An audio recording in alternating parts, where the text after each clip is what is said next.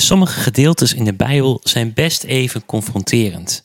En daar moet je iets langer over nadenken voordat je de waarde van deze woorden ziet. Vandaag wil ik zo'n gedeelte lezen en overdenken. Het staat in Matthäus 10, vers 34 tot 39. En daar zegt Jezus: Denk niet dat ik gekomen ben om op aarde vrede te brengen. Ik ben niet gekomen om vrede te brengen, maar het zwaard. Want ik kom een wicht drijven tussen een man en zijn vader, tussen een dochter en haar moeder, en tussen een schoondochter en haar schoonmoeder. De vijanden van de mensen zijn hun eigen huisgenoten. Wie meer van zijn vader of moeder houdt dan van mij, is mij niet waard. En wie meer houdt van zijn zoon of dochter dan van mij, is mij niet waard. Wie niet zijn kruis op zich neemt en mij volgt, is mij niet waard. Wie zijn leven probeert te houden, zal het verliezen, maar wie zijn leven verliest omwille van mij, die zal het behouden. Moet je hier nu mee? Best heftig. Is dit gedeelte nou in tegenspraak met dat Jezus de Zoon van God en onze vredevorst is? De aardigste man, de beste vriend, een trooster en redder in moeilijke tijden zoals deze? Kan hij dat zijn en tegelijkertijd zeggen: Ik ben niet gekomen om vrede te brengen, maar het zwaard? En, en hoe zit het dan met het eren van je vader en moeder? Nota bene een van de tien geboden. En dan staat hier: Want ik kom een wicht drijven tussen een man en zijn vader, enzovoorts.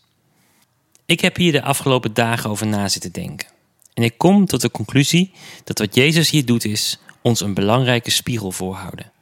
Eigenlijk de spiegel van de grote opdracht, zoals we die lezen iets verderop in Matthäus 22, vers 36 tot 40. En daar staat dit.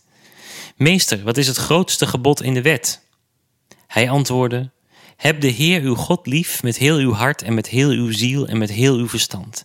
Dat is het grootste en eerste gebod. Het tweede is daaraan gelijk. Heb uw naaste lief als uzelf. Deze twee geboden zijn de grondslag van alles wat er in de wet en de profeten staat. Nou, wat is nu de lijn tussen die beide gedeeltes? Je zou kunnen zeggen dat het in beide gedeeltes gaat om de vraag: waar is, waar ligt je eerste liefde? Welke prioriteiten stel je? In het gedeelte wat we het laatst lazen, gaf Jezus een opdracht. Maar in dat moeilijke stukje uit Matthäus 10 past Jezus deze opdracht toe op het scherpst van de snede. Hij was immers gekomen om het zwaard te brengen. En je zou kunnen zeggen dat zwaard snijdt er even heel diep in. Hij gaat heel diep en laat ons daarmee diep in ons eigen hart kijken.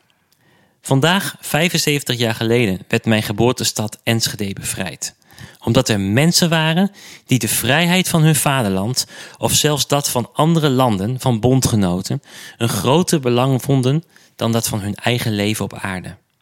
Op dit moment, terwijl van ons allemaal wordt gevraagd om thuis te blijven en afstand te houden, staan zorgmedewerkers nog wel met verhoogd risico aan het bed van zieke mensen, omdat dat hun roeping is. Met de bril van deze tijd op lopen we allemaal het risico om geliefden of ons eigen leven te verliezen. Dat risico lopen we altijd al, maar door het coronavirus worden we er meer bij bepaald. En dan vraagt Jezus ons op een confronterende manier: wie is je eerste liefde? Positief geformuleerd staat hier eigenlijk dit. Jezus die zegt: laat mij je eerste liefde zijn. Want dan kun je alle uitdagingen van het leven aan, ook als dat betekent dat je een heleboel dierbare dingen of mensen gaat verliezen. Dat is simpel Nederlands voor je kruis dragen. Een misvatting van het christendom is dat als je op een dag christen bent geworden, alle problemen zullen verdwijnen als sneeuw voor de zon. Dat je zult genezen zijn van alle ziekten en dat geld in overvloed beschikbaar is. De realiteit is heel anders. Ook christenen dragen moeite en lijden met zich mee. Zelfs Jezus deed dat. Er is geen opstanding zonder lijden. Ja, er gebeuren wonderen waardoor de almacht van God zichtbaar wordt door het lijden heen. Maar uiteindelijk draait het leven maar om deze ene vraag. Wie is jouw eerste liefde?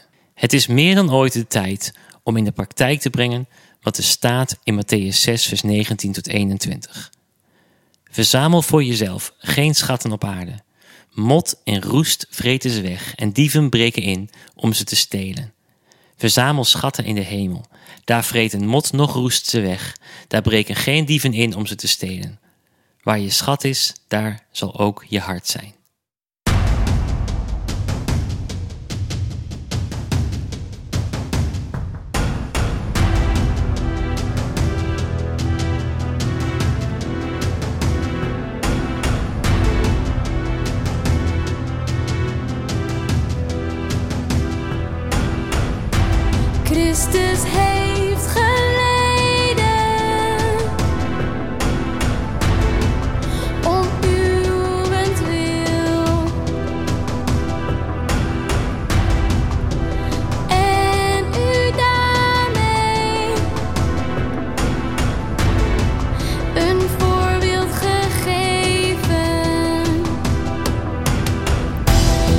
sisters.